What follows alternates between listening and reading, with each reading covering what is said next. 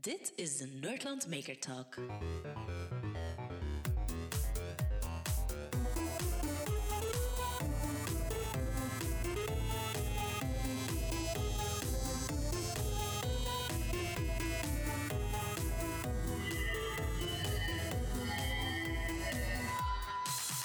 Dag Kurt. Dag Maarten. We zitten weer al voor onze PC. Want het is nog altijd Eh, eh, COVID. Ja, het is, de, het is de tijd van het jaar en van... Nee, niet van het jaar. Het is gewoon ja, al heel lang dat iedereen voor zijn pc zit. Ja, Ja. voilà. Maar we Dat is zitten, werken, hè. Voilà. Maar we zitten eh, online wel met een supercoole nieuwe gast, namelijk Jelle Saldien. Dag Jelle. Hey, dag Maarten. Dag Kurt. Dag Jelle. We ehm, hebben al een heel aantal makers ehm, uitgenodigd. En ehm, we zijn eigenlijk de podcast iets meer dan een jaar geleden gestart met de vraag, wat is een maker? En we zijn in het begin begonnen met ja, een heel bekende maker, met Henk Rijkaard. En dan zijn we eigenlijk altijd heel specifieke makers gaan, eh, gaan uitzoeken. En we hebben het jaar min of meer afgesloten met Dries de Roek, die men tegen misschien ook wel zult kennen. Eh, Productontwikkeling en heel hard bezig met een design. En dat gaf ons eigenlijk een beetje de insteek voor het komende jaar. Dat we wat meer, wat breder op zoek gaan naar, ehm, ja, naar makers. En ook wat, eh, gewoon breder dan puur zo de, de, de, ja, de, groep die, die we tegen, typisch tegenkomen op de Fright Camp en zo verder. Ehm, en de reden dat ik aan jou dacht, eh, jij stond om eerlijk te zijn al heel lang op onze longlist ergens van boven, eh, maar nu past dat nog beter in het verhaal, is omdat je eigenlijk een ehm, unieke combinatie zei tussen iemand met een productontwikkelingsachtergrond en ook een ingenieursachtergrond, dacht ik. En die heel hard kijkt naar hoe dat technologie ehm, impact op de mens heeft en hoe dat er een emotie kan ontstaan tussen iets dat je bouwt en die persoon zelf. Ik doe een poging om u te omsch- omschrijven. Ik weet niet dat dat de juiste is, maar ik zie een ja knikken, dus dat, is, dat valt al mee. Ehm, en ik zou het daar gewoon graag eens even eh, mee over hebben. Eh, over hoe dat je, om het heel breed te zeggen, vanuit een idee naar een, ehm, ja, naar een ontwikkeling komt. En vooral hoe dat je eigenlijk van begin heel hard denkt over hoe dan de gebruiker uiteindelijk iets gaat ehm, ontwikkelen. We gaan een, gewoon kriskras door je leven lopen als dat voor u goed is. Eh, maar ik zou willen beginnen bij hetgeen dat jij in Brussel gedaan hebt. Jij hebt in Brussel heel hard rond eh, sociale robots en zorgrobots gewerkt, klopt dat? Dat klopt, ja. Da- daar, daar, daar start het eigenlijk bij de interactie tussen iets dat je bouwt en ehm, de mens die het wilt gaan gebruiken. Hoe begint dan zoiets? Ehm, daar in Brussel is dat eigenlijk wel meer gestart als een, als een zot idee. Dus dat, was, eh, dat is eigenlijk het jaar daarvoor nog gestart als een masterproef toen bij productontwikkeling met de vraag van, ja, kan er iemand een eh, knuffelrobot eh, ontwerpen, was dat toen nog, hè, voor, voor kinderen in een ziekenhuis. Ik vond dat wel een, een leuke challenge en ben daar dan eerst als ontwerper opgesprongen. Heb toen eigenlijk veel inspiratie gehaald eh, op het internet, vooral vanuit eh, het MIT Media Lab, Cynthia Brizel, een van de eerste die zo met sociale robots is beginnen experimenteren.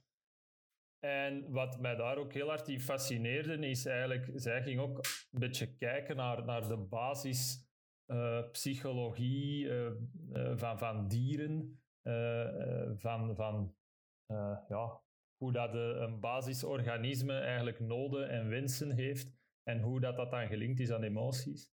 En dan van daaruit ehm, zijn we dan eigenlijk eh, ja, een ontwerp beginnen maken. En dan bij de VUB heeft dat dan eh, aanleiding gegeven tot twee doctoraten. En, En het wat- is dan... dat- ja? Sorry, dat was speciaal voor kinderen of was dat voor bejaarden ook? Want Ik had even het begin gemist. Want ja, maar Ja, was dat was eigenlijk als bedoeling een beetje een soort alternatief te bieden in het begin voor de clinic clowns. Hè, Ah, ja. Om afleiding te zorgen, voor, voor afleiding te zorgen in het ziekenhuis.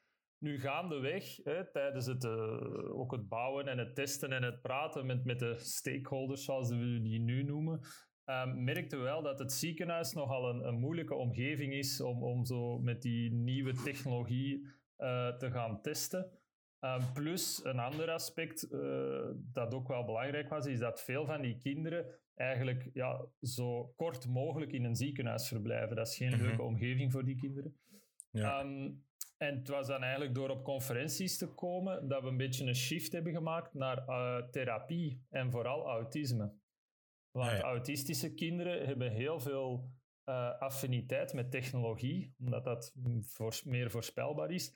En hebben heel veel problemen met emoties en meer de sociale gedragingen. En daar kon die robot eigenlijk een, een soort antwoord, een oplossing geven eh, binnen bepaalde therapeutische settings. En, en hebben jullie dan zelf een robot gemaakt? Of zijn jullie daar verder gaan van bijvoorbeeld het Now-platform? Want daar heb ik al voorbeelden van gezien die dat inderdaad ingezet worden voor kinderen met autisme om dan eigenlijk op een manier te gaan luisteren of te gaan proberen te voorspellen wat het gevoel van iemand is of te reflecteren wat dat zij aanvoelen van het kind zelf zal verdrietig zijn, ik zal iets daarop gaan reageren of zo. Ja, het is wel heel grappig dat je eigenlijk nou aanhaalt, want toen dat wij begonnen met het project, dat was 2005.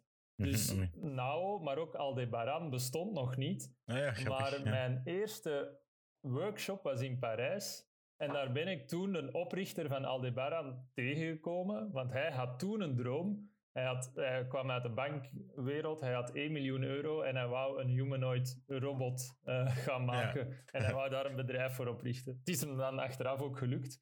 Ehm, maar ja, we zijn eigenlijk een beetje samen gestart met, Ja. met Now. Ja. Je hebt meegewerkt aan Now, of, of niet? Nee, nee, nee, nee, nee. Ah, ja, We zijn tegelijkertijd begonnen. Ah, ook onze robot is uiteindelijk een, een groene knuffelbeer geworden, die er een Ja. beetje uitziet als Alf, met een slurf, gebaseerd op een mammoet. En- eh, en hoe heet pels. Eh, hij kreeg de naam Probo. Eh, Maar, maar daar ging het heel hard over. hoe kunnen met subtiele bewegingen van die eh, ehm, robot, hoe kun je daar ehm, een reactie uitlokken bij de gebruiker ook, neem ik aan.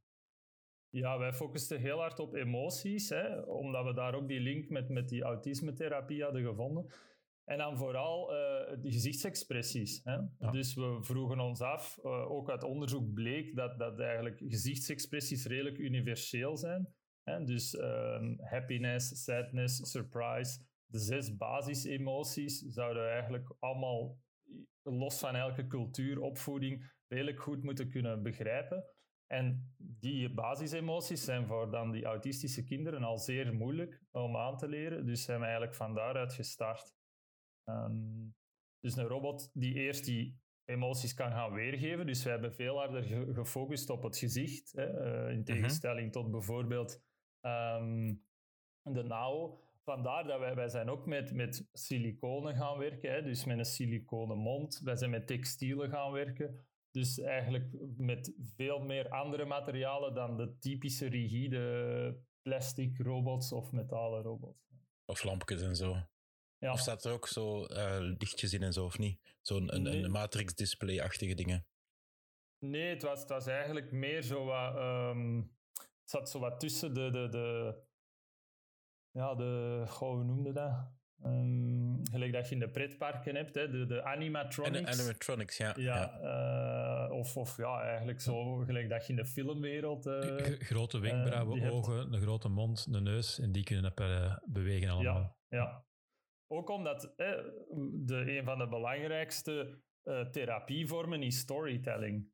Waarbij Ja. dat het dus die robot vertelt verhalen eh, en, en speelt een beetje in, semi-interactief. Dus het had soms meer weg van die animatronica-wereld dan, dan puur van de, de klassieke robotica-wereld zoals dat we die kennen. Ja. En, ja. En wat was het resultaat dan of zo? Of, of wat waren de, de bevindingen van, van, die, van die doctoraat dan? Of van dat product? Of is het ooit op de markt gezet, echt als product ook? Nou, dat was ook niet de bedoeling. Hè. Het, is, ehm, het was echt een onderzoeksproject. Ehm, we hebben daar wel, eh, dat was ook nog leuk, we hebben er dan wel de wereld mee rondgereisd toen dat het klaar was. Eh, onder andere eh, ook een week in Shanghai op de wereldtentoonstelling gestaan, in Sao Paulo geweest. ehm, Tikkertje ja. gespeeld met Now. Wel, maar- maar nog eens, je alleen bent- die van ons kan niet lopen. Dus, eh. Ja. Je hebt het jaar gezegd, eh er juist, het was 2005, hè? of wat zei je juist? Toen zijn we begonnen. Hè? Ja. Dus in 2009 wa- was het klaar. eh, ja. Ehm, heb je dan, hetgeen dat je dan geleerd hebt, hè? ik neem aan dat je uit zo'n proces, je hebt een idee, eh, als masterstudent nog productontwikkeling was dat in Antwerpen toen? Ja, toen Ja. ik gestart ben, was ik nog eh, masterstudent en dan heb ik daarna mijn doctoraat gestart aan, eh, aan de WB. En dan heb je daar ja, uiteraard heel veel geleerd over interactie tussen mens en machine, neem ik aan. Ja, vooral ook eh, interdisciplinair werken. Ja. En vooral ook die omgeving aan de VUB. Wij, allee, ik had dat wel wat meegekregen vanuit eh, dat, de productontwikkeling, want ik werkte eigenlijk samen met een andere doctoraatstudent, eh, Christophe. En hij was een, een burgerlijk ingenieur eh, mechanica. Eh, en ja, burgerlijke ingenieurs, hè, die willen vooral ook eerst starten met rekeningen, alles goed uitrekenen voordat ze die robots beginnen bouwen. Terwijl dat ik wel een beetje die cultuur had meegekregen om, om soms ook wat hands-on te gaan. Hè. Dus wij hebben uh, siliconen slurven liggen gieten, ehm, allee, siliconen malles liggen gieten, om, om uiteindelijk in, in schuim een slurf te krijgen die dat we dan met kabeltjes konden bedienen. Dus ehm, ja, er zat een deel, een deel van het doctoraat was ook wel, wel dat knutselen. Uh, iets dat, ja, dat doorheen heel mijn carrière ja, altijd maar belangrijker is geworden, vind ik. En dat ik nu ook heel hard meeneem in mijn, in mijn lessen, als ook in de coaching van mijn onderzoekers, is, is dat knutselen met technologie en de waarde die daarin zit, is, is, is, ja, is ongelooflijk, vind ik. En is dat dan, is dat dan vanuit een, een noodzaak dat je ze beginnen knutselen? Of was dat echt zo vanuit, we willen zo snel mogelijk iets of wat hebben om te kunnen testen, om dan daar iteratief weer op verder te kunnen gaan bouwen en zo verder? Ja. Of was het de combinatie van de twee? Dat is een beetje de combinatie, maar vooral dat iteratieve dat u zegt. Hè, dat is, ja, je kunt niet testen beginnen doen met kinderen als je niks Nee. hebt. Dus we zijn, ik heb mijzelf toen ook nog eh, 3D Studio Max aangeleerd. En ik moest 3D Studio Max toen combineren met de XNA-engine van de Xbox, want dat was de enige 3D-engine waar dat je met, met eh, artificiële skins, eh, die, die, waar dat dan haar op stond, kon aansturen vanuit, de, vanuit een software. Dus ik maakte dan een model eh, van de robot in, in XNA, in, ehm, in 3D Studio Max, en ik kon dat dan ja, gaan aansturen eigenlijk in, in, XNA, in, in C-sharp code. Ehm, Dus uiteindelijk En, had, je, had je ook zoiets van, je, je hebt iets nodig om iets te gaan, eh, te gaan doen. Dan leerde even dat programma en dan kun je dat weer gaan gebruiken voor je volgende uitdaging. Ja, hetzelfde met YouTube. Ik weet niet of dat YouTube toen al... Jawel, er was, er was al een beetje YouTube. maar eh, dat was toen ook echt eh, uitzoeken van eh, schuim gieten. Ik weet niet of dat je dat al eens gedaan hebt, iets in schuim gemaakt. Maar dat is dus niet zo evident, hè, want die reactietijd is, je hebt, hè, je hebt een paar minuten en dan gaat er van je AB-reagentia direct naar je, je expansie van je schuim. Dus je mallen en zo maken. Allee, dat was heel veel nieuwe dingen geleerd. Ja, voor, voor mensen die al ooit chambranten voor deuren gezet hebben, die snappen dat. Als je er puur in spuit, dat is, als je een gatje opengelaten hebt, dat is niet zo goed. Nee. En, en dat is denk ik wel de variatie, hè, gaande van hè, ehm, Paul Ekman, hè, dus gaan inwerken in de psychologie van emoties, tot schuimgieten, tot eh, in 3D-engines proberen en, eh, ja, een, een- eigenlijk een artificiële robot te gaan renderen. Ehm, En, on- en ondertussen was die burgerlijke ingenieur klaar met zijn berekeningen en dan kon hij er servocus inzetten en zo, zodanig dat het nog een keer te programmeren was en het allemaal automatisch was. Ook. Klopt, hè, want je moet ook wel toegeven, alles, al zijn berekeningen klopten dan ook wel. Ja. Hè? Dus, dus de motoren eh, enzovoort die er dan in zaten, dat was dan allemaal wel perfect en mooi geolied. Ja. Je hebt er juist eh, al even, eh, even een link gelegd van waar ik naartoe wou gaan. Er is van, je, hebt, je hebt één ding heel hard geleerd, namelijk dat knutselen en prutsen een belangrijke is. Ehm, en een, een, in de verdere ontwikkeling, wat zijn dan zo de projecten die erna kwamen waar je zegt van, dat ik, als ik dat niet had gedaan, namelijk die zorgrobot gemaakt, als ik dat niet had gedaan, had ik dat totaal anders eh, aangepakt. Of had ik nooit tot die project gekomen. Oh. Ja, natuurlijk. eh, Een van de ambitieprojecten waar dat we achteraf ook gestart zijn, was dan eh Opsoro. Hè. Dat is eigenlijk een soort uitloper ehm, van, van dat project. Hè, waarin we, waarbij dat we tijdens eigenlijk dat onderzoeksproject heel hard het, het, de robot hebben gezien als een onderzoekstoel. Eh, ben ik dan ook wel, eh, toen dat ik dan daarna begon aan, aan de HOWEST, meer met dat ondernemerschap eh, begonnen. En dus ook wel meer gaan kijken van hoe kunnen we nu daar een product van maken of een platform van maken. Want een ding dat ik ook wel zag in onderzoek is dat in heel veel gevallen is de finaliteit van een onderzoek een publicatie. En dat vind ik toch meestal ook jammer. Hè. Aan de VUB stonden ook heel veel robots van afgelopen onderzoeken, maar die stonden daar. En er stond een laag stof op. Dus eh, daar was dan eigenlijk de ambitie gekomen om, om ook wel terug te geven aan de maatschappij. In die zin er ook voor te zorgen. Het is niet omdat je een idee hebt van, van uh, een robot voor kinderen te ontwikkelen, dat dan de dag daarna die robot ook effectief beschikbaar is voor die kinderen. En, en dan moet je echt gaan nadenken over businessmodellen, over, over veel meer het product, uh, de productontwikkeling eigenlijk daar gaan doordrijven en gaan kijken hoe kan je dan ook zo'n platform open source, closed source uh, ja, gaan ontwikkelen. Je hebt er juist die, die nieuwe robot dat je zei, of, of Zorro, wat was het? Ja, dus dat was, eigenlijk was dat de ONO, dus dat was dan een, een afgeleide vorm van, van die, um, van die Probo-robot. En dat was eigenlijk een heel goedkope, simpele versie. Hè? Um, daar hebben we gedacht van, oké, ook een beetje in vergelijking met, NAO en al die dingen, dat zijn allemaal toch redelijk dure dingen. Kunnen we daar niet vanuit een makersperspectief gaan nadenken? Um, kunnen we iets maken dat je kan gaan lasercutten, 3D printen hè, als onderdelen en dat er eigenlijk redelijk simpel um, te maken is, maar dan nog wel die basisfunctionaliteit heeft van emoties weergeven. En van daaruit is die ONO ontstaan. Dat was dan een thesis van een uh, masterthesis van een student van mij.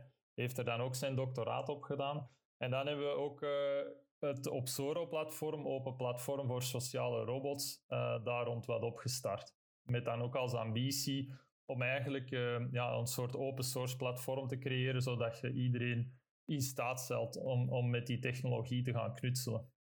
Ja, er staat een mooi artikel uh, in Zorgmagazine daarover, denk ik. Hè? Uh, ik weet niet of je dat zelf weet, maar als je, als je u googelt, dan... Er zijn inderdaad wel verschillende artikels. als je uh, googelt, ja, dan kom je ja. daarbij. Waar je inderdaad uh, zegt van eigenlijk die, die robotic user interfaces, die eigenlijk ja, met de focus op, op, op communicatie en, en, en, en, naar die sociale robots inderdaad. Is er iets waar je nog steeds mee bezig bent? Oh, op dit moment, ik denk... Um, het, het, het, oprichten van uiteindelijk, we hebben dan nagedacht om om een bedrijf daar rond op te richten. En dat, dat was wel heel moeilijk. Um, dat is uiteindelijk wat uh, misgelopen, onder andere ook door, door uh, ja, de businesskant tussen de verschillende founders en zo, daar, daar niet goed overeengekomen met, met toen de CEO die het project ging trekken. Um, en voorlopig is dat eigenlijk terug een researchproject geworden en zijn we nu um, daar meer um, virtueel aan het werken. Dus dat je eigenlijk online je robotjes kan gaan, gaan bouwen. En is dat ook gelinkt aan het uh, AI Flanders project, waar dat we dus eigenlijk terug weer het hebben binnengetrokken in de onderzoekswereld. Heb, heb je rond die interactie tussen robot en mens, heb je, ja, ik neem aan dat je Jan de Koster ook wel kent, uh, ja. die ook in onze podcast al geweest is, die, die is ook heel hard bezig met uh, zijn robot die een persoonlijkheid heeft en die reacties uit, uh, ja, uitlokt eigenlijk. Hè? Uh, is daar een link tussen hoe dat jullie het hebben aangepakt en hoe hij het gedaan heeft? Of is dat wel los van elkaar? Oh, ik weet, ik, ik weet uh, niet hoe dat hij het echt aanpakt. Um, ik weet wel dat wij um, wel verder gebouwd hebben op dat ja, basis-emotioneel model um, uh, van die zes basisemoties. En eigenlijk op een redelijk simpele manier. Hè, wij gebruiken twee dimensies, arousal en valence. En daarmee proberen we eigenlijk alle emoties op een wiskundige manier uh, voor te stellen. Ja, dus als je arousal hebt op de x-as, um, valence op de y-as, dan heb je eigenlijk een eenheidscirkel. En dan kan je, we noemden dat dan een emotievector gaan, gaan bouwen. Maar dat is eigenlijk een redelijk simpele manier om, om dan uh, emoties te gaan uh, weergeven. Dus, voor sommige mensen is dat een simpele manier. Ik vind er al een, een, een min of meer beredeneerde manier. Hè? Dus er is al, er is al ja, een logica achter. Het is niet gewoon, als de oogjes open gaan, dan is het één. En als de oogjes naar links of naar rechts kijken, dan is het ander. Er is al wat achter. Zijn jullie daar al op verder gegaan ook? Want uh, ik las onlangs een artikel ook van, en omdat je daar net over animatronics bezig uh, begon, um, van in Disney World, die eigenlijk nu zo de, de ja, die verbeteren zichzelf uiteraard iedere keer meer en meer in het ehm, in hun animatronics dat die nog meer menselijk zijn. Hè, om zelfs die uncanny valley, hè, het feit van dat je te hard op mens lijkt, maar net niet, waardoor dat heel akelig wordt, om die te overstijgen zelfs. Waarbij dat ze heel hard met micro-expressions aan het werken zijn. Dus ik moest eraan denken dat, dat je cirkel zei van, er zit heel veel randomness in een manier hoe dat een gezicht... Ah, blijkbaar, hè, is, ik weet dat niet, maar dat is wat ik daar gelezen heb. Hè. Er zit heel veel randomness in de manieren hoe dat je aan gezichtsexpressies doet. Heb je daar dan ook nog verder? Of, of is dat, heb je er niet meer mee verder gegaan? Of, Nee, we zijn niet zo ver in detail gegaan. Ehm, om, ook omdat, hè, als we bijvoorbeeld kijken naar, naar de doelen, eh, kijk naar therapie of, of, of gewoon andere mensen laten knutselen met die robots. Die micro-expressies zijn, zijn denk ik heel belangrijk als je echt, echt lifelike interactions wilt hebben. Hè. Hm. Ehm, onze manier ook om, om die Uncanny Valley te bypassen was, wij maakten robots die helemaal niet op een bestaand dier Ja, of een de bestaande standaard mens truc, hè. zijn, meer Zoals- de cartoonish. Ja, ja, voilà, zoals in eh, elke tekenfilm de ja, proporties ja. totaal anders zijn, waardoor dat je niet het gevaar hebt om daarin te belanden. Hè, ja. En dan zijn die micro-expressions minder belangrijk. Wat dat we wel deden, want, want, en dat is denk ik een soort basisstap, is een soort randomness in eyeblinks en, en beweging van het hoofd creëren. Ja. Want een robot die gewoon stilstaat, ook al, ja, dat komt helemaal niet. Ja, dan denk je zelfs, ah, hij is kapot. of, of, of als hij dan niet direct reageert, dan, dan lijkt dat eh, ja, helemaal niet goed te werken. Dus dat hadden we wel altijd van in het begin erin gestoken. Ja. Ja, want eh, je je zei van ehm, bij heel veel academisch onderzoek blijft dat een publicatie, maar ik zie hier even op de website, eh, er is ook al wat publicaties uitgekomen. Dus het is niet dat je alleen maar, eh, alleen maar liggen spelen en liggen bouwen. Nee, nee, nee. En ik, dit is ook wel belangrijk. Hè. Het, het, een gaat niet zonder het ander. Hè. Ik bedoel, een, academische publicatie dwingt u ook om even te reflecteren over ja, wat ben ik nu allemaal aan toe, wat heb ik hier nu allemaal bijeengeknutseld. Hè. En, en dat ook wel te plaatsen, één, in een, in een ja, wetenschappelijk, ook internationaal kader, u een beetje ten opzichte van die state of the art. ehm, eh, te spiegelen, plus ook een stuk terug te geven aan de community. Hè, te beschrijven wat heb ik gedaan, hoe heb ik dat gedaan, zodat anderen daar ook weer op verder kunnen bouwen. Ehm, dus voor mij zijn die wetenschappelijke publicaties zeer belangrijk. Ik heb er ook veel inspiratie uit gehaald. Maar daar bereik je natuurlijk maar een heel select publiek mee. Hè? Een beetje een, een soort niche-markt. Ehm, terwijl dat, dat, als je dan je doelgroep is, kinderen in ziekenhuizen bijvoorbeeld, ja, dan, dan moet je toch andere manieren vinden om, om, om die bredere doelgroep ook te kunnen bereiken. Ja, Mhm. want een van die websites dat is uh, opsoro.ugent.be. We zullen het ook wel in de show notes meezetten. Ja, waar je Mhm. een stukje van die, van, van die uh, robot vindt en ziet. En dat zie je wel bij veel van jouw projecten, dat je inderdaad niet alleen die publicaties hebt, maar dat je ook wel gewoon de website hebt waar alles uitgelegd staat, hoe dat gemaakt is, wie het er allemaal samengewerkt heeft en waar wij referenties in zitten. Dus ik zie dat die bijvoorbeeld ook mee samen met uh, Maria Christina, zit dat er ook op een van de publicaties mee? Ja, zij heeft er in het begin uh, nog uh, rond meegewerkt. En dan Bram van der Borgt uiteraard ook. Ja. ja en Bram, Bram zat in de groep waar jij in de VEB bij zat, neem ik aan, of... Ja, wij waren collega's ja. eigenlijk hè, toen, toen het project ja. daar, daar liep. Hij werkte op Lucy, een, een bipedal walking robot. Um, die eigenlijk ook de aanleiding heeft gegeven om dan aan de VUB verder onderzoek te doen naar, naar uh, ortheses, uh, robotorthese uh, en ook protheses. En wat is het verschil tussen orthese en een prothese? Een prothese is een vervanging hè, uh, van, uw, van uw been. Uh, en de orthese is eigenlijk een robotskelet dat er rond wordt uh, gezet. Het... Dus dan heb je nog uw, uw been of uw arm. Is het hetzelfde als een exoskelet of is er verschil nog? Ja, ja. ja. een exoskelet is eigenlijk een vorm van een orthese. Ja. Ah, ja, oké. Okay, uh, na... Uh, na Leuven wou ik zeggen. Na Brussel zijn jij naar uh, UGent Kortrijk gegaan. Ja, dat klopt. Waar ik ooit eens uh, de opportuniteit heb gehad om een aantal van de eindwerken, denk ik, van, of, of, of projectwerken van uw studenten te zien daar. Uh, waar uh, als je... Ja, dat kon redelijk goed typen aan een van de betere maker fairs eigenlijk. Uh, vond ik. En dat was eigenlijk een, ja, dat was een soort demonstratiemoment waarin dat studenten die allemaal aan een bepaald project hadden gewerkt, eh, mochten laten zien wat, ze, wat ze wilden doen. En dat ging, dat ging heel breed. Dat ging over uh, het, en, en, dat was een van de aanleidingen dat ik er ook was. Dat ging over het uh, soort van simulatie, maar realistische simulatie op de fiets voor mensen die blind waren op de fietsen, denk je dat erbij was? Of, of, of slechtzienden of, of slechthoren, ik weet het maar juist. Nee, dat, dat was inderdaad een, een, helm voor, voor mensen met een verstandelijke ja, beperking. Ja, klopt. Om ze veilig uh, ja, naar, naar school te kunnen laten gaan. Een ander project dat erbij stond, waar ik nog altijd super knap vind, dat, zijn die, die, dat waren die longen. Dat was eigenlijk een zak die... Um, dus je moest een sensor aandoen en die, die sensor die, die met um, hoe dat je ademde. En dan was er een long eigenlijk, of een zak eigenlijk, die, die op, opblaasde, opblies, opbloes, of wat is het eigenlijk? Opblaasde, denk ik. Hè? Uh, ja, die werd opgeblazen. Die werd opgeblazen, ja. dat is een mooie manier om daar rond te gaan. Uh, op het tempo dat jij aan het, aan het ademen was. Dat was ook zo, er waren gigantisch veel knappe projecten. Dat was echt heel knap om te zien. Ja, misschien kan je dat ook in de show notes zetten. We hebben een website waar eigenlijk, alleen een Vimeo-website, uh, want alle studenten uh, moeten ook een filmpje maken van hun project. En elk jaar, ja, we krijgen challenges binnen, soms van onze eigen onderzoeksgroepen, maar ook van veel organisaties en bedrijven. En dat is eigenlijk één slide, uh, dat is de challenge.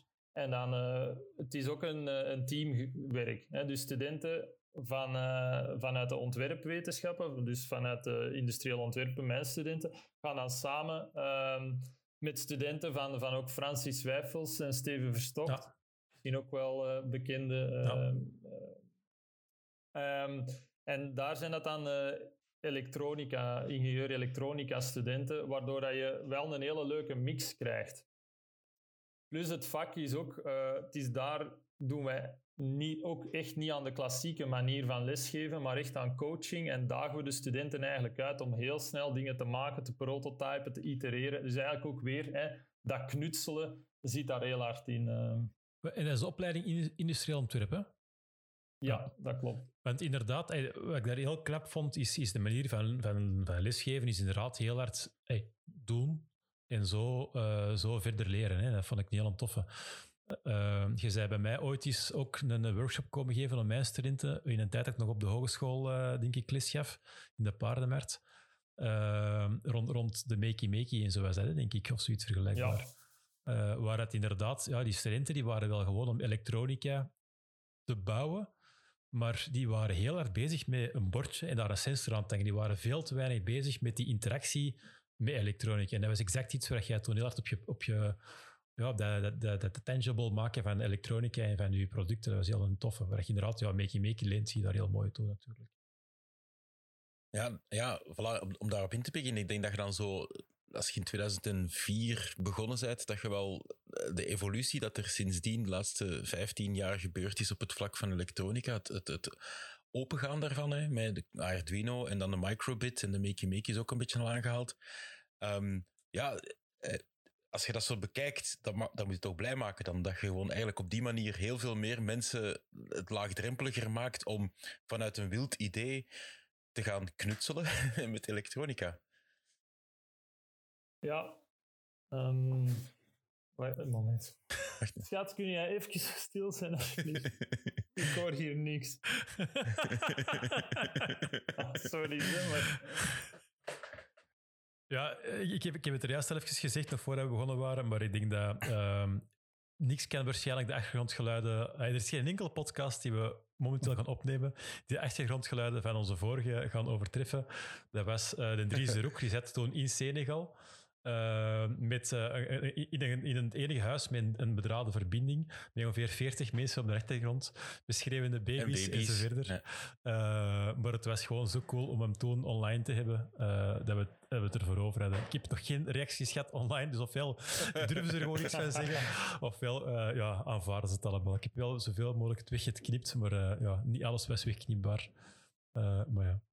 Maar dus, um, voilà, dus eh, als je dat als je sinds 2004 begonnen bent, dan is dat toch de laatste 15 jaar toch heel veel veranderd in het laagdrempeliger maken om te beginnen experimenteren of te prutsen of te knutselen met elektronica.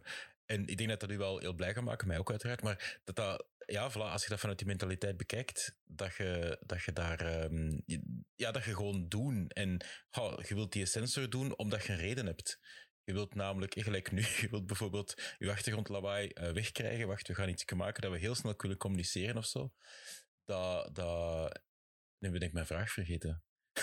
Eigenlijk over, we vragen er is uw ervaring over de geschiedenis van de laatste 15 jaar. Ja, wat is, nee, ik heb twee vragen. Ik heb twee vragen. Eén, wat is uw ervaring daarin? per één stellen, Kurt. Ja, maar ik kan, al, dat kan hem wel, dat kan hem in zijn antwoord doorwerken van de ene vraag naar de andere. Ik ga toch twee vragen stellen. Ik mag niet van Maarten. Eén um, vraag is van, de, inderdaad, wat is uw ervaring ervan? En twee, um, als je dat zo breder denkt, zou er zo'nzelfde evolutie ook niet op andere gebieden kunnen komen? Omdat je inderdaad, wat Maarten in het begin zei, dat je niet alleen de ingenieurskant, maar ook de gebruikerskant, zijn er nog meer tools of, of hebben zo ja, voor mij of voor heel veel makers in het algemeen denk ik dat dat heel interessant is om te zien van wat komt er op ons af. Meer naar gebruikersonderzoek of sneller kunnen gaan testen of, of dat soort dingen. Ja, Oh, ja, om, om direct eens in te spelen, die Arduino kwam voor mij echt op het ideale moment. Hè. Ik, ik, ik startte als jonge, jonge, pas afgestudeerde onderzoeker, om het zo te zeggen. En, en ik was een, eh, een jonge docent aan, aan HoWest toen nog, hè, op die campus in Kortrijk. En ik moest die studenten, ontwerpers, warm maken voor, voor elektronica. Hè. En, en eigenlijk voor de Arduino, het pre-Arduino-tijdperk, was elektronica, hè, assemblercode. En, en ik heb daar zelf nog mee geworsteld en, enzovoort. En dan waren al blij als je zijn ledje aan en uit kon laten gaan. En daar waren dan misschien een semester mee bezig. Maar, maar toen, dat kwam echt in een stroomversnelling. En, en ook die cultuur daar rond, hè, dat, dat mhm. tinkeren, dat knutselen, dat zat bijna ingebakken in, in, in die Arduino en heel die community. Um, dus hè, ze noemen dat ook sketches. Hè, dus dat schetsen, eigenlijk die prototyping mentaliteit van, van die ontwerper zat voor een stuk mee in, in die Arduino-cultuur. En dat heeft, want dat vak is eigenlijk gestart met Arduino's en, en is dan uitgebreid naar Raspberry Pi's, Makey Makeys. Maar dat zijn eigenlijk de tools die dat vak eh, zijn, zijn, zijn uh, power -hmm. geven. Um, maar um, dat is één ding. Hè? Dus dat knutselen en dat maken. Maar waar dat we nu als ontwerpers uh, en ook in ons onderwijs meer en meer mee beginnen uh, te worstelen. En het is al het is hetgeen dat je zegt. Hè, ons doel is nooit de studenten elektronica leren, nee, maar wel de tools geven om, om een beetje hun dromen te kunnen realiseren. Ja. Maar mensen, allee, de studenten nu ook meer kritisch laten nadenken. Hè. We, we, leren ze eerst van hè, how to make the, the things right. En dan proberen we ze aan te leren how to make the right things. Hè. Uh, we focussen ook meer en meer op die duurzaamheid enzovoort. En dat is wel de moeilijkere. Hè. Dus ja. ook wel meer... Ik weet dat voor makers, hè, je dat knutselen, maar het is soms ook wat, wat meer gaan reflecteren ja, wat is het doel van wat ik maak? Wat is de impact van wat ik maak? Um... Ja, ja, en ook als ik persoonlijk spreek, uh, het is, je, je, je zit heel snel in een tunnel. Je zit heel snel binnen je, speelgoedwinkel van de dingetjes die dat je tof vindt. En ja, dingen gelijk Kill Your Darlings, uiteraard, dat doet je allemaal. Geschrapt, geschrapt, geschrapt. Maar je hebt zo het is zo'n beetje een, een, een, een ja, mes of, of, of een gouden kooi bijna. Dat je vastzit in een, een, een, een set van tools die heel toegankelijk zijn, maar dat je denkt van, heb ik die echt wel nodig? En voor wat kan ik nu niet eens iets anders hmm. doen dan een knopje en, en weer een input-output gaan verbinden met elkaar, bij wijze van spreken? Ja. Nu, wat ik heel dankbaar vond, was, was ook wel de Makey Makey omdat de, een van de uh, ja, workshops waar, waaruit dan eigenlijk wel nu een succesvol bedrijf is ontstaan, dat was echt een workshop, Makey Makeys, uh, die dat we zijn gaan doen bij Revaki-studenten. Dus bij studenten revalidatie en kine. Die mhm. zeiden van ja, hè, we moeten een oplossing hebben voor, voor kindjes uh, met evenwichtsproblemen, om die eigenlijk te gaan uh, oefeningen doen, repetitieve oefeningen, maar we wilden er iets van een game of iets van motivatie ja. aan gaan linken. En wat het leuke wel was, is dat je eigenlijk met die technologie bij, bij eigenlijk je doelgroep kunt gaan prototypen. Ja, dus je kan eigenlijk die studenten, Revaki, hè, de kinesiotherapie-studenten, um, mee betrekken in, in zo'n... En je kon die zelfs zelf laten prototypen met, met wat aluminiumfolie en, en wat karton. Hadden die mm -hmm. op het einde van die workshop een eigen interface gebouwd.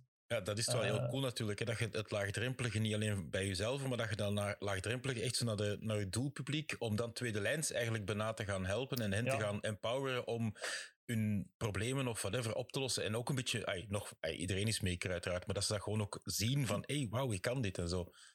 Ja, maar ook omdat zij waren veel minder bezig hè, met wat is de input en output. Zij Ja, waren tuurlijk, echt ja. aan het focussen, hoe kan ik mijn patiënten helpen? Mhm. Eh, en, en, en, maar die tools, die, die, die, die brachten wel die creativiteit bij die mensen en Ja. je zag er wel ideeën ontstaan. En, en dat is ook wel leuk. Tools die, die eigenlijk ja, creativiteit echt bevorderen bij, bij, ja, absoluut. bij De elke. Makey is gezegd, de, de redenen dat ik Ja. de Kurt heb leren kennen. Dat was zo in een... ik kende... Ja, wel, wel, wel. Eh, mijn vriendengroep en de vriendengroep van... eh, ik, kende, ik, ik kende nu toenmalige... Ik Dat is juist dat is de eerste keer dat ik hem uit de zag. En eh, wij vierden samen nieuwjaar, denk ik. En wij hadden toen met de Makey Makey een aantal projectjes voor, voor onze vrienden klaargemaakt. En dat hebben we eigenlijk elkaar wel leren kennen door samen Makey Makey dingetjes in elkaar te steken. Dat was ja, dus nog wel een... Het ligt hier op mijn schuif, al lang niet meer gebruikt, denk ik, sinds die een dag, maar eh, al wat jaren geleden. Ah, ligt mijn Makey Makey nog altijd bij u? Nee, dat is de nieuwe, dat is de andere huizen. Ja. ik, had er, ik heb er twee, echt in zo, de, oh de, de Kickstarter, toen dat die uitkwam, heb ik zelfs gebackt en direct twee. Ik ben ze ondertussen alle twee kwijtgespeeld. Ja, dat is altijd niet heel terzijde. Je Dus als er iemand hebben. een Makey Makey van mij heeft, geef het een keer terug alsjeblieft. Zeg, eh, Jelle, daarna zei jij ook want, ehm, we hebben nog eens een tijd liggen babbelen toen ik met die eh Team Scheire-case bezig was rond, eh, rond fietsveiligheid. En toen was jij ook vooral zo'n tool met fietslichten die automatisch iemand detecteren die van kwamen van die toestand. Of je bent toch zeker met projecten daar ge- gelinkt. Waren dat projecten die je zelf aan doen was? Of waren dat studenten die van jou? Of? Nee, dat waren ook vooral studentenprojecten. Ehm, waar dat wij nu heel hard mee bezig zijn, is eigenlijk ook een heel stuk ehm, eh, naar VR. Dus hè, onze onderzoeksgroep, hè, MICT, wij doen vooral eh, gebruikerstesten, hè, dus dat user-centered design. Maar het nadeel is dat je kan niet elke context, hè, dus prototypen en dat iteratief knutselen is, is heel interessant, maar je kan niet elke context zomaar gaan prototypen. Hè. Ehm, in VR kan dat wel. En dat is hetgeen wat we nu eigenlijk zijn aan het proberen te doen. Dus we gaan mensen in VR steken met EEG-sensoren, heart rate sensoren en we gaan ehm, eye trackers en we gaan eigenlijk alles capteren wat dat je dan in een, in een, ja, in een mogelijk scenario kan gaan doen. Hè. Zo hebben we bijvoorbeeld een slimme keuken waarin dat we dan nieuwe interfaces kunnen gaan testen.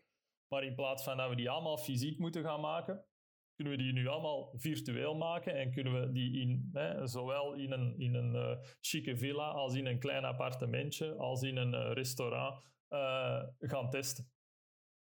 En ehm, wat je het liefste? Het in VR bouwen of, of in, in echte dingen bouwen? Goh, dat is nu ook... wat is, als er één ding is wat dat we nog niet goed kunnen, hè, het visuele, we kunnen alles perfect renderen. Auditieve, hè, we zitten eigenlijk nu Ja. ook hè, in samenwerking met onze onderzoeksgroepen daar, we kunnen eigenlijk akoestisch alles bijna tot in detail gaan renderen, 3D, maar tactiel staan we nog nergens. Hè.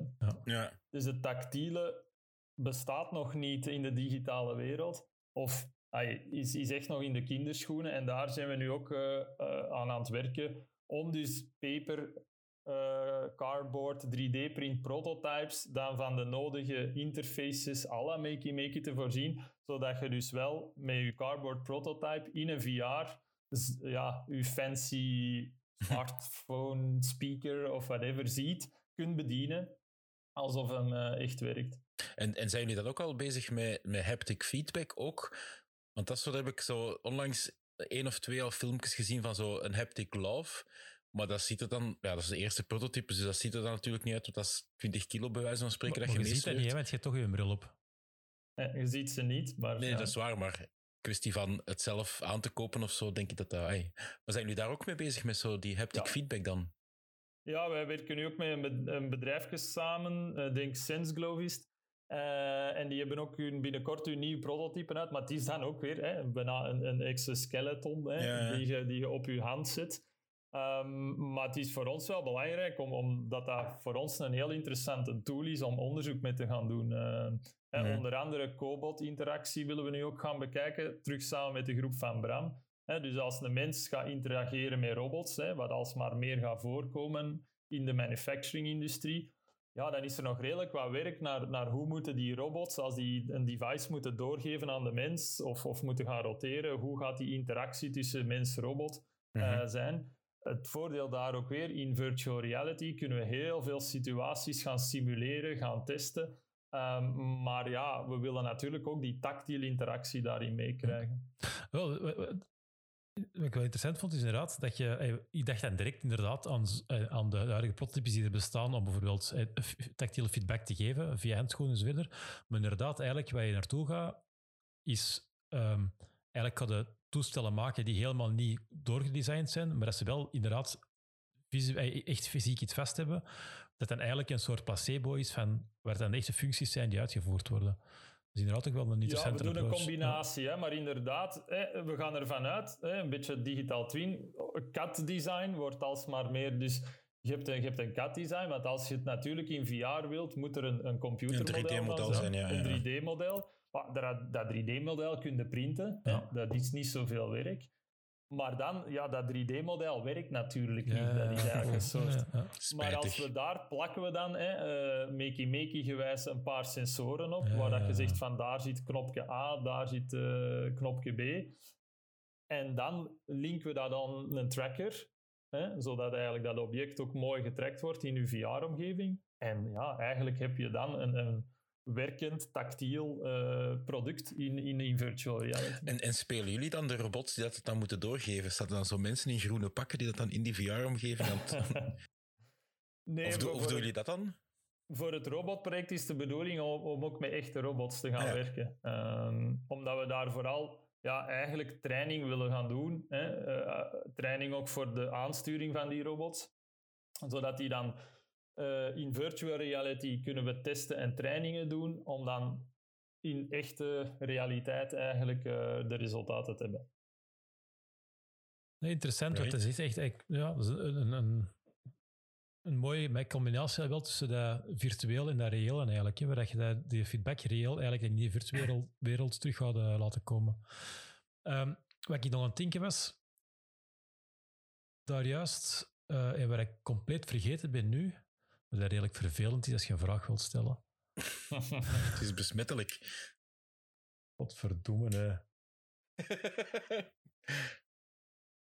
ja, wacht. Virtueel. Ik heb toen de vraag gesteld: virtueel versus uh, wat vind je het plezantste? Uh, maar dat was eigenlijk mijn vraag niet. Dat was eigenlijk een intro-vraag om naar mijn echte vraag te gaan. Het heeft daarmee te maken.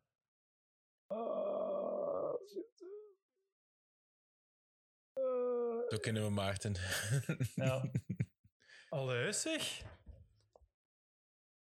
Maar ik kan wel zeggen dat eigenlijk, hè, als, als je dan terugkijkt naar hoe dat ik begonnen ben met mijn doctoraat aan de VUB, ook daar, hè, met, met een XNA en, en de, de 3D Studio Max, waren we toen ook al altijd, dat digi eigenlijk voor mij, dat die digitale wereld, en de reële wereld, voor mij is dat eigenlijk altijd een soort blend geweest. Hè. Ik noem het dan digital twins of weet ik veel wat, maar de vraag is ook, hè, wat is virtuele realiteit, wat is echte realiteit in deze? Ja, eigenlijk blendt dat. Hè. En, en hey, je hebt Andreas vroeg, Kurt, van, je hebt die uh, geschiedenis gezien van ja, Arduino dat erop gekomen is. Mensen mhm. die meer en meer zelf kunnen gaan prototypen.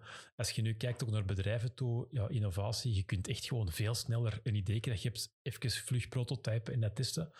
En je gaat nu naar dat virtuele om nog veel verder te gaan naar, uh, om snel te gaan prototypen. Het is eigenlijk het doel dan, snel te gaan prototypen en te gaan kijken wat er is. Waar denk je dat je binnen tien jaar mee bezig bent? Goh. Ja, wat dat mij nu wel fascineert, dat ik geef ook het vak Emerging Technologies aan, aan uh, mijn studenten, wat natuurlijk moeilijk is. Uh, hè, we hebben natuurlijk de klassieke artificial intelligence, robotica enzovoort. Maar waar dan natuurlijk nog veel mogelijkheden zitten, is, is, is de biologie.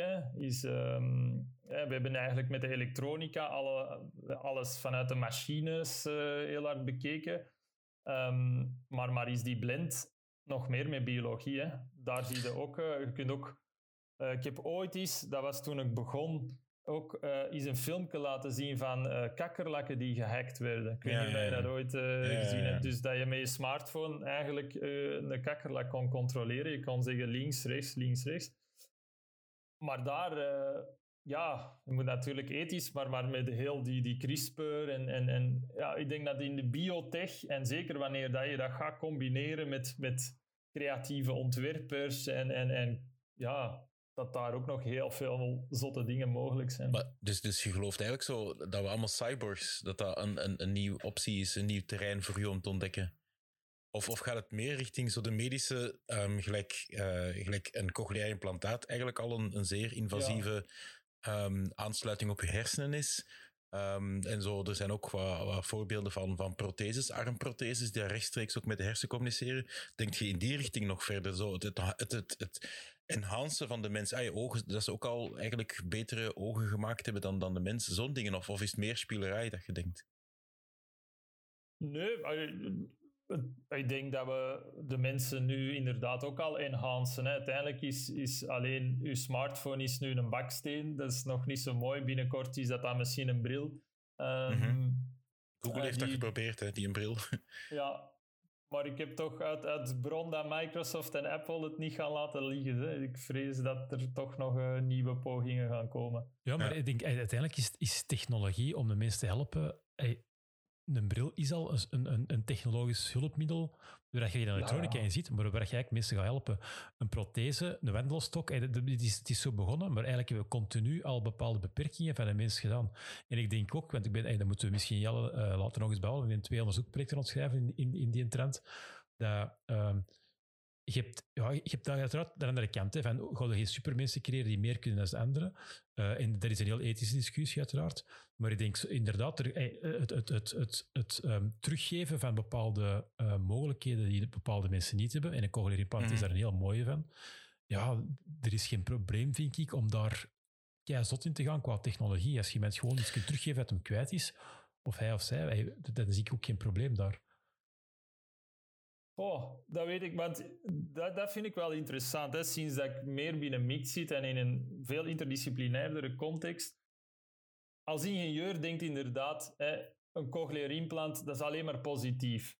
Hè, want de persoon kon niet horen en nu kan die wel horen. Of, of een blinde terug laten zien. Maar ik heb dan, er zijn verschillende bronnen. Er zijn ook blinden die zeggen, nee, ik wil niet zien. Uiteraard, je moet je, je, moet je niet verplichten. En, en, dus ik denk, het is wel moeilijk. Ik denk dat je soms wel moet gaan denken, is, als ingenieur of als ontwerper, als maker wilde alles. Ja, maar absoluut. Want ik denk... dingen, maar, maar ja. Nee, maar bijvoorbeeld als je, als je morgen een accident hebt en uh, je, breekt, je breekt een nekwervel bijvoorbeeld en je kunt je onderste ledematen niet meer, niet meer bewegen. Uh, nu zeggen ze nog, hey, het duurt niet zo heel lang niet meer voor een arts gaat zeggen. Um, en nu zegt hij, waarschijnlijk gaat hij niet meer kunnen lopen. Maar het gaat volgens mij niet meer lang duren. Het is zegt van, de kans is relatief groot dat er binnen dit en enkele jaren technologie is dat jij terug kunt lopen. Dan heb je al minstens die keuze. Het moet altijd keuze van de mensen zijn. Je mag nooit geen mensen gaan verplichten, ook niet druk gaan opleggen om iets, om iets van technologie te gaan omarmen, sowieso niet. Nee, dat, dat, is waar, maar, zegt, maar dat, dat vind ik wel interessant om, om aan Jelle ook een mening over horen. Jelle, um, in de zin dat um, over zorgrobots of over inderdaad cochleaire implanten of andere. Um, je geeft een keuze aan een mens, maar onrechtstreeks verwacht je als maatschappij ook wel een bepaalde richting, vrees ik. Mm ik heb zo die indruk heel hard. Kijk bijvoorbeeld naar, uh, naar een, een, gsm. Je hebt een keuze dat je geen gsm wilt hebben. Maar als je kiest om geen gsm te hebben, goh, de maatschappij, hoe dat je dat positief of negatief vindt, vindt dat niet zo tof. Hetzelfde met een smartphone nu. Er zijn nog mensen die geen smartphone hebben en, en mensen denken van, amai, dat is wel straf, goed dat je dat doet. Ik vrees dat we een hele tijd een verschuiving krijgen en het voorbeeld van de cochleaire implantaat is dat ook. En, um, en waarom is dat? Omdat je als maatschappij, zeker met die zorgrobots ook, ja, op, op een manier is dat wel spijtig dat dat Ay, kunt je dat spijtig vinden, dat het op een manier een vervanging wordt voor anders een netwerk of een vangnet of, of sociale interactie die dat er wel is en misschien minder goed dan met die robots. Maar En dat is de vraag dan van, eh, komt je dat ook heel vaak tegen dat je zo, dat zijn niet dat je, dat je dan negatief tegenover technologie staat, maar toch ook wel um, het, een beetje spijtig vindt of zo, ik weet het niet, dat, dat, dat, technologie bepaalde menselijke dingen gaat vervangen op een manier. Ja, ik denk dat is zeker een moeilijke balans. En um, wat ik de laatste jaren eigenlijk vooral meer en meer leer, is dat uh, ja, dat dat interdisciplinaire nog, nog veel belangrijker wordt. Mhm. Eh, de, het is misschien inderdaad nu in mijn team van studenten, dat, dat zijn ingenieur-ontwerpers en ingenieur-elektronica-studenten. En die maken allemaal zotte, coole projecten. Ja. Maar eigenlijk zouden we er vanaf volgend jaar graag ook uh, communicatiewetenschappers bij hebben. Ja, dus of- sociale Voilà, wetenschappers bij inderdaad, hebben. absoluut. Ja, ik denk dat, ja. Of studenten om... Ja, ik denk dat zij, zij denken ook dan misschien wat meer aan, aan andere aspecten. Eh, ja. Dus ik denk dat denk soms ook, want als, als je ingenieurs laat doen, dan die maken en die bouwen en, en dat, dat is oké, maar ehm, alles heeft voor- en nadelen. Hè. T- Op, aan zich is technologie nooit eh, slecht, maar Maar ik denk dat er inderdaad, hey, er is heel hard nood aan eh, de start van die ethische discussie over ja, hoe dat elektronica en, en, en mensen, hoe dat, dat samen moet gaan. Hè? Want hey, we komen heel Mhm. dicht tot bepaalde mogelijkheden. Eh, ik volg zo'n aantal podcasts in Amerika, waar ze, eh, de Neural Implant heet die. En Mhm. eh, daar hebben ze nu bijvoorbeeld een sticker eh, die gewoon op je voorhoofd plakt. Dus niks, niks meer in het brein, gewoon erbovenop. En die eh, eh, meet eigenlijk je, ehm, je hersengolven. En op het moment dat die detecteert dat je eigenlijk in een soort van status zit, dat je aan het proberen te onthouden zij, dan blijft die, dat zijn blijkbaar heel lage frequenties dan, dan gaat hij die lage frequenties extra eh, pushen om je, om je brein te pushen om in die status te blijven. Waardoor dat je, ze, ze beweren dat je 18% beter zou kunnen gaan onthouden, bijvoorbeeld. Mhm. De vraag is dan, ja, student, hè, want dan direct een student vraagt van, ja, hoe kan ik dat dan gebruiken en zo verder. Ja, ehm, hoe gaat het ervoor zorgen dat niet iedereen binnenkort verplicht wordt om met zo'n sticker te gaan rondlopen, om te zorgen dat ze mee kunnen, bijvoorbeeld. Dat zou een heel foute reactie Mhm. en fout gevolg zijn. Ja, je hebt, je, hebt het, je hebt het nu heel hard. Die sticker is nu een heel, heel, heel extreem, misschien momenteel. Hè. Pakt over tien jaar iedereen met die stickers rondloopt. Maar dat is nu een, een, een, een zeer specifiek voorbeeld. Je kunt het zelfs veel breder trekken. Als je vandaag de dag geen internet hebt, tel er niet meer mee. En dat merkte zeker met die corona nu is dat heel duidelijk. En dan eh, ook met laptops. Als je geen computer thuis hebt, ja, Zoek, het maar uit. Er worden dan wel gratis laptops, al dan niet gratis whatever aangeboden en zo. Ehm, en dat, heb je, en dat, dat vind ik wel een heel belangrijke om mee te pakken. In dat elke technologie, uiteraard, en dat volg ik je volledig, is, is, is zeker positief, heeft heel veel voordelen. Maar met al die voordelen, om het met Johan Cruijff te zeggen, komen er ook nadelen als je de voordelen niet hebt. En dat is dan niet alleen puur economisch, maar dat is dan ook sociaal. Ehm, mijn verjaardag bijvoorbeeld staat niet op Facebook. Ja, ik krijg heel weinig verjaardagsberichtjes. oh, Dat is, eh, is wat ik- Soms ween ik daarover, maar niet heel veel. Maar, ik zal hem ja, in de, maar- maar zal in show geven. zetten. nee, nee, nee, hoeft niet. Dat is trouwens al gepasseerd. Eh, maar ehm, ja, voilà, dat is me heel veel. En ik vind dat heel belangrijk dat die discussie gevoerd wordt. Hè, want ay, niet, je hebt het al aangehaald, CRISPR is heel hard emerging. Eh, AI, daar gebeuren heel ja, eh, waanzinnige dingen in, die daar heel bepalend gaan zijn van hoe dat wij als mens of maatschappij gaan leven. En, en ik vind dat wel heel belangrijk, wat dat je zegt, van dat, dat in heel die technologische discours en ah, cool, en nog een, nog een gadget erbij. En, dat- absoluut, dat is allemaal heel cool. Maar dat je de reflectie ook heel hard maakt. En ik vind dat wel belangrijk dat ingenieurs of iedereen dat daarmee bezig is, dat ook moet doen. Van ja, wat is het menselijke, wat is het sociale, wat is, het, wat is de interactieve kant met mensen of wat gaat er mogelijk mhm. wat is een impact daarvan? En dat is iets wat je absoluut moet meenemen in die dingen, denk ik. En, en vandaar wil ik het u heel graag zeggen, Jelle, dat je dat, eh, dat die inderdaad, dat die, dat die opleidingen misschien meer ehm, moeten interageren met elkaar. Ja, ik denk, allee, als, als onderwijzers hebben we daar ook de, een verantwoordelijkheid.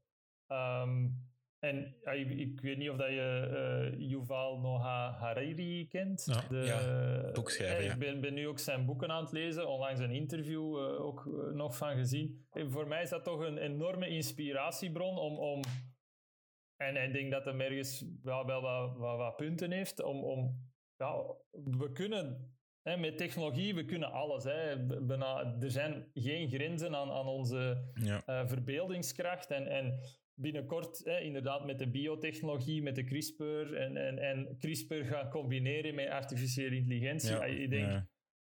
En het gaat alsmaar sneller en sneller. Hè. Die wet van Moore, die, die, die staat niet stil. Ehm, en, en dat merk ik ook. En, en ergens is dat een positieve vibe, maar ergens, hè, met onze onderzoeksgroep ook, merken we een heel groot deel van de maatschappij is totaal niet meer mee en begint zich ook heel hard af te zetten daartegen. Mhm. En ja, ik denk, we kunnen de maatschappij vormen hoe dat we dat zelf willen, maar ehm, je had er toch over moeten nadenken dat je dat, eh, ja, dat, je dat samen doet. Uw groep is ook de groep die de digimeter en zo eh, uitvoert, hè? denk ik, ja. Dus Ja, inderdaad, klopt, de ja. vinger aan de pols ligt bij de, de Vlaming, denk ik dat het dan is, om te kijken van eh, in welke mate zijn, jullie met, eh, zijn, zijn we met digitale technologie bezig. Dus ik denk dat dat inderdaad een hele goede groep is om daar uitspraken over te doen. Ik denk dat inderdaad een hele belangrijke is dat, er geen, ja, dat we daar geen twee rangensysteem gaan krijgen, hè, met mensen die er keihard in mee zijn en wie niet, dat Ja. dat een grote uitdaging is. Vandaar dat dat ethisch debat ook gewoon extra belangrijk is. En daar dat Harari ook een schitterende taak momenteel heeft om de wereld daar rond, rond te schudden. Waar je heel veel, overal waar het hier aan presentatie... Ik heb ook de kans gehad om dan Noto Arena zijn, zijn babbel te, te volgen. Ja, de discussie daar rond is, is, is schitterend en ook heel belangrijk, denk ik. Nee, dat, het is ook eh, vanuit onze onderzoeksgroep. Hè, de missie is Empowering People in a Digitizing Society. Eh, mondvol. Maar hey, ik ben het er ook volledig, over eens. Je kunt ook de klok niet terugdraaien. We gaan naar een digitale maatschappij eh, voor een groot stuk. Maar ja, technologie eh, en vooral de interfaces, hè, daar focussen we dan heel hard op die moeten wel ervoor zorgen dat, dat ook de BOMA, eh, die haar bankzaken in orde wilt krijgen, dat die nog mee is. Mhm. En dat die niet ja, aan Ja, heel- lot wordt overgelaten. Ja, een heel school voorbeeld daarvan is de bank waarbij ik ben, die rekenen nu extra kosten aan voor die bomma's die dat het niet digitaal doen. Iedere papieren overschrijving kost nu heel veel geld. En dat is, ja, ik vind dat, ik heb het daar wel moeilijk mee of zo. Dat dat, en dat is een economische realiteit vooral. Het is niet alleen een digitale wereld, maar het is een, een wereld die dat moet opbrengen. En om op te brengen moet je efficiënt zijn. En de beste weg om efficiënt te zijn is zo digitaal mogelijk te zijn, precies. Ja, en dat is ook hetgeen dat Hariri zegt. Binnenkort komt die artificiële intelligentie en gaat heel veel jobs hebben en, en, en ja, die, die vervangen gaan worden. En, en, ja, en daar gaat ook weer dat onderwijs een, een belangrijke rol hebben. En van hoe, ja, wat gaan eh, onze studenten dan doen? Hè? Mhm. Ehm, en als ik dan weer terugkijk naar de manier waarop dat we lesgeven, en, en ik denk ook zo de, inspiraties die, die hier in, in, in deze podcast zitten, dan, dan zitten we daar denk ik wel op een juist spoor. Zijn inzetten op creativiteit, aanpassen, op, op ja, vooral niet eh, rigide ehm, onderwijs aanbieden, maar, maar, maar focussen op, ehm, Ja. op de Ja, aanpasbaarheid. er is een hele eh, een onderzoeksgroep in Amerika die heel hard kijkt naar de toekomst. En die een van de quotes uit hun, uit hun rapporten is dat de studenten die nu aan het studeren zijn, dat de job dat die binnen tien jaar gaan doen, dat daar nog eh, twee derde van de jobs moet uitgevonden worden. En dan denk je, als je dat aan de studenten laat zien, dan denk je allemaal van, ja, ja, dat zal wel zijn. En dan laat ik zo'n slide zien van wat er 13 jaar geleden nog niet bestond. Hè. Een gsm, een iPhone, een dingen, eh, eh, WhatsApp, al die dingen bestonden nog niet 13 jaar geleden. Het is eh, echt, bestond dat toen nog niet.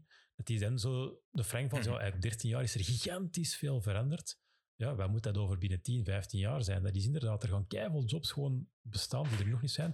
Dus ik vind daar ook dat debat rond dat AI en robotten, robotten onze, onze jobs gaan vervangen. Ja, de huidige jobs wel. Of toch, of toch een aantal ervan. Maar er gaan zoveel nieuwe jobs bij komen. Inderdaad, en daar kunnen de studenten nu nog niet voor opleiden. Je kunt inderdaad alleen maar die opleiden om te zorgen dat ze zo versatile mogelijk zijn. En eigenlijk vooral de skills hebben om zich aan te passen en zelf te ontwikkelen en te ontdekken. Dat dat een heel belangrijke is. En daar vind ik het ook zo cool dat ja, die maker movement die er staat, of wat, wat ze neemt, dat mensen empowered worden om veel meer zelf gewoon dingen te proberen en te doen. En dat, eh, ja. en dat, is wel, Mhm. dat, is, dat is toch een grote verandering de laatste vijf tot tien jaar. Daar veel meer mensen zelf iets proberen te bouwen. Ja, en, en wat ik heel mooi vind, is het is een soort democratisering, allee, of dat zit daar toch achter, die democratisering van, van die maakbaarheid. Hè. Want ik denk dat dat is soms het gevoel dat velen hebben van, ja, ik kan dat toch niet, of wat dat ik doe, dat, eh, ja, dat is toch niet van belang. Ik kan de wereld niet veranderen. Ehm, maar dat vind ik wel, als je dan ziet ook naar studenten, naar, ehm, naar onderzoekers, je hebt een idee nodig en met een zot idee kun je tegenwoordig al wel Ja, heel ver geraken. Zeg, zijn er nog projecten die je... Want je hebt heel veel over projecten gedaan, eh gebabbeld, die je ehm, ja, vanuit eh, een beetje ja, uw passie, maar denk dat uw job ook wel uw passie is, denk ik. Uh, zijn er nog zo dingen die jij thuis ook zelf bouwt? Of die je zoiets van, uh, heb je nog tijd over om zo zelf iets te bouwen? Of is dat heel beperkt?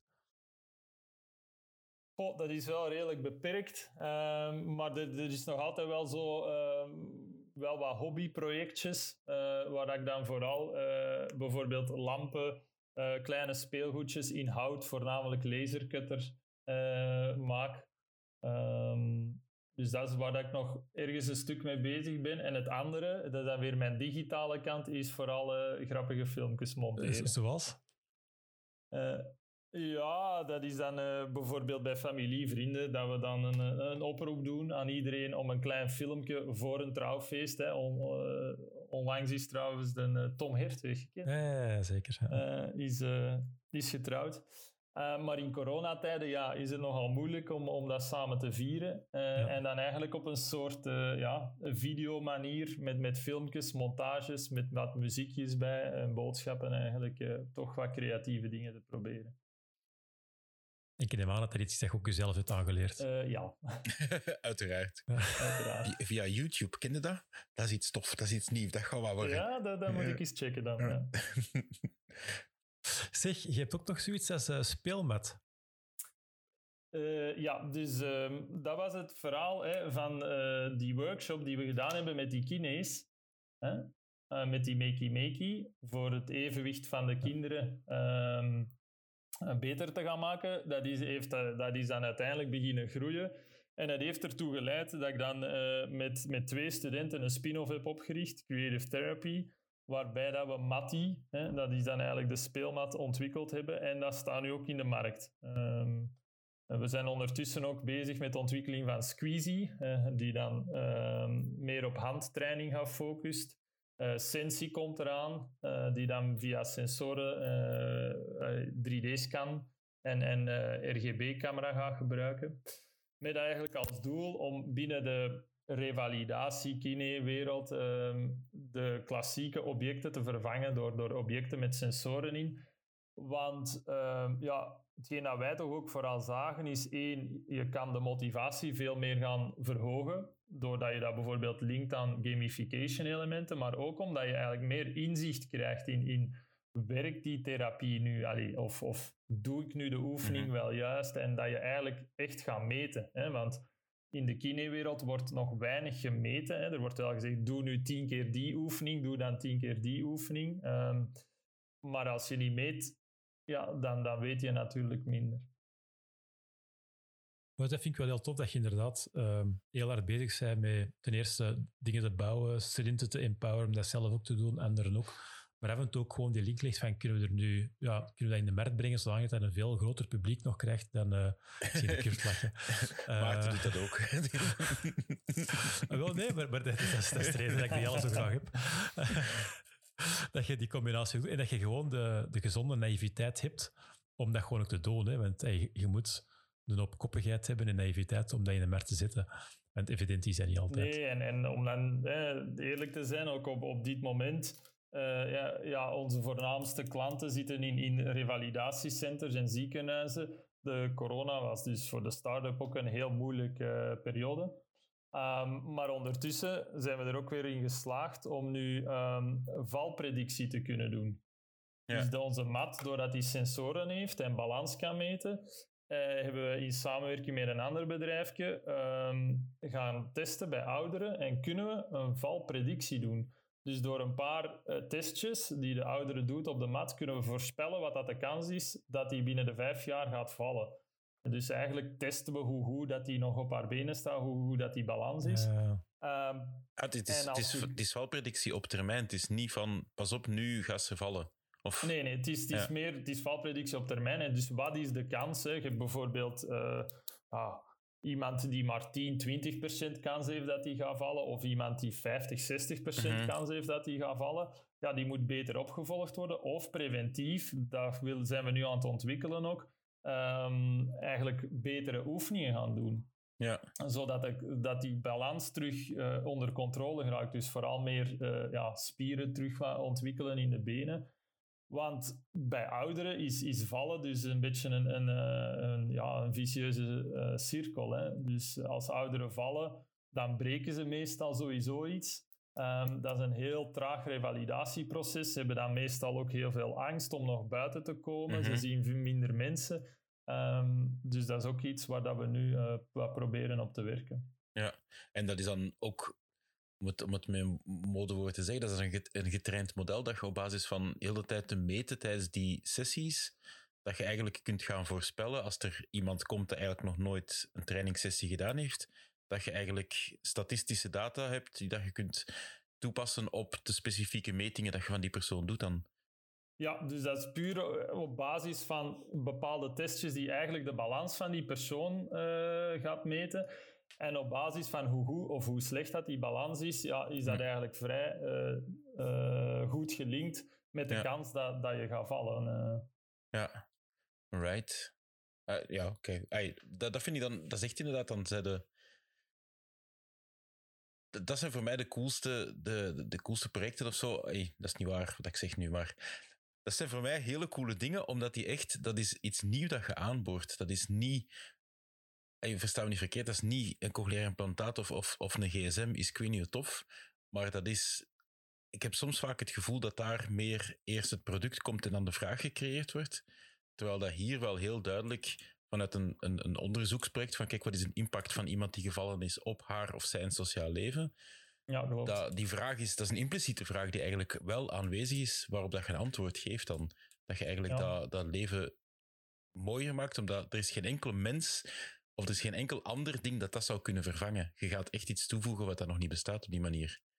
Nee, en het is ook, uh, ik denk dat we ook vanuit dat bedrijf wat anders willen kijken naar naar healthcare. Allee, ik denk dat dat nu meer en meer is aan het komen, maar meer naar die preventief healthcare. Mm -hmm, ja. Heel veel van ons gezondheidssysteem is, ja, je wacht totdat je ziek bent of dat dat iets breekt. Ja, absoluut, of, ja. En, en, dan gaan we dat repareren.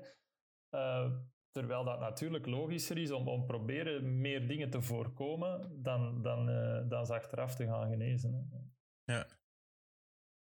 Ja, ik, ik betrapte mij daarnet heel hard op een grote fout. En dat was, je waren net, we zijn uitleg aan het geven van, hè, we kunnen pre die predictie doen op die bed, uh, om dan, en dan uh, iemand die dan 50, 60 uh, procent kans had te vallen, dan dacht ik dat je ging zeggen om dan die een sensor te geven om dat beter op te volgen. Maar dat was de foute vereniging. De juiste dingen was hetgeen dat jij zei, om die rem te helpen om goede ja, therapie te geven. Dat, dat, ja. Dus inderdaad, de technologie-link zou gewoon zijn, en dan geven die een sensor een en dan kunnen we dat beter opvolgen. En dan, als die dan valt, dan weten we het. Nee, daar gaat het niet over. Je wilt zorgen dat die persoon niet valt, dus je wilt die therapie geven. Dat is inderdaad een heel belangrijke link waar heel veel bedrijven ja. de andere pisten. Vandaar uh, dat ik dat ook zei, van dat ik dat zeer cool vind. Ja, ik wou er nog eens, be voilà. nog eens beamen. Nog eens, papa. Vier keer. Jelle, zijn er nog uh, toekomstige projecten die je zegt van die moeten absoluut nog vermeld worden in deze podcast? Oh, ja, misschien nog wel eentje. Um, waar dat we nu met onze onderzoeksgroep, ik ben er minder direct bij betrokken, maar hebben jullie al eens gehoord van Solid? In, ja, Solid voilà, in heel veel connotaties wel. Maar, ja, ja. Ja. Nee, maar dat is eigenlijk een project die, die we vanuit UGent uh, vooral samen doen met Team Berners-Lee. Die naam die moet u wel Tim Berners-Lee, uh, ja, die kennen we, ja. Ja. De uitvinder dus van Tim Berners-Lee is een beetje... Ja, Ah jawel, jawel, die is langs geweest bij jullie. Ja, klopt, want hij is niet zo blij Just. met hoe dat nu het internet geëvolueerd ja, is. nee, hij, ging ze, hij ging een nieuw internet oprichten, of nieuw starten.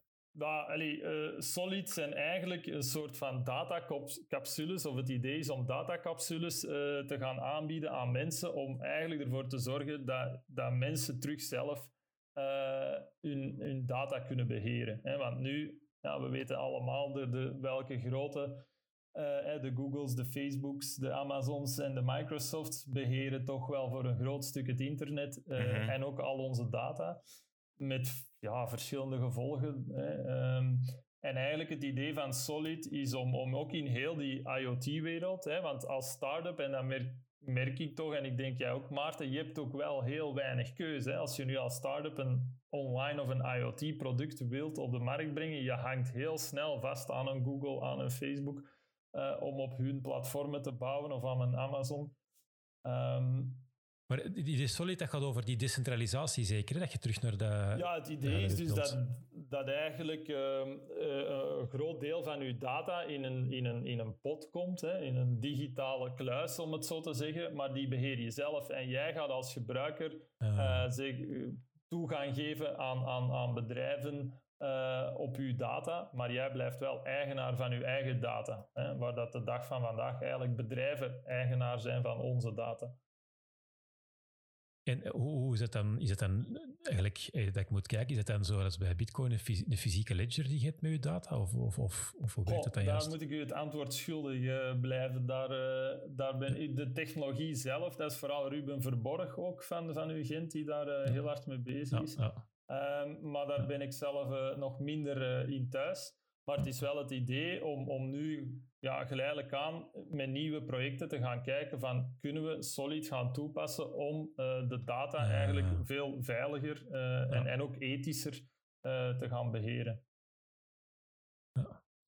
Alright, super. Jelle, ik vond het een, een hele leuke babbel op deze maandagavond. Ehm, Insgelijks. Waar we, ja, voilà, waar we inderdaad, eh, ik hoop dat wij mensen hebben kunnen motiveren rond eh, gewoon doen, gewoon bouwen, gewoon prutsen.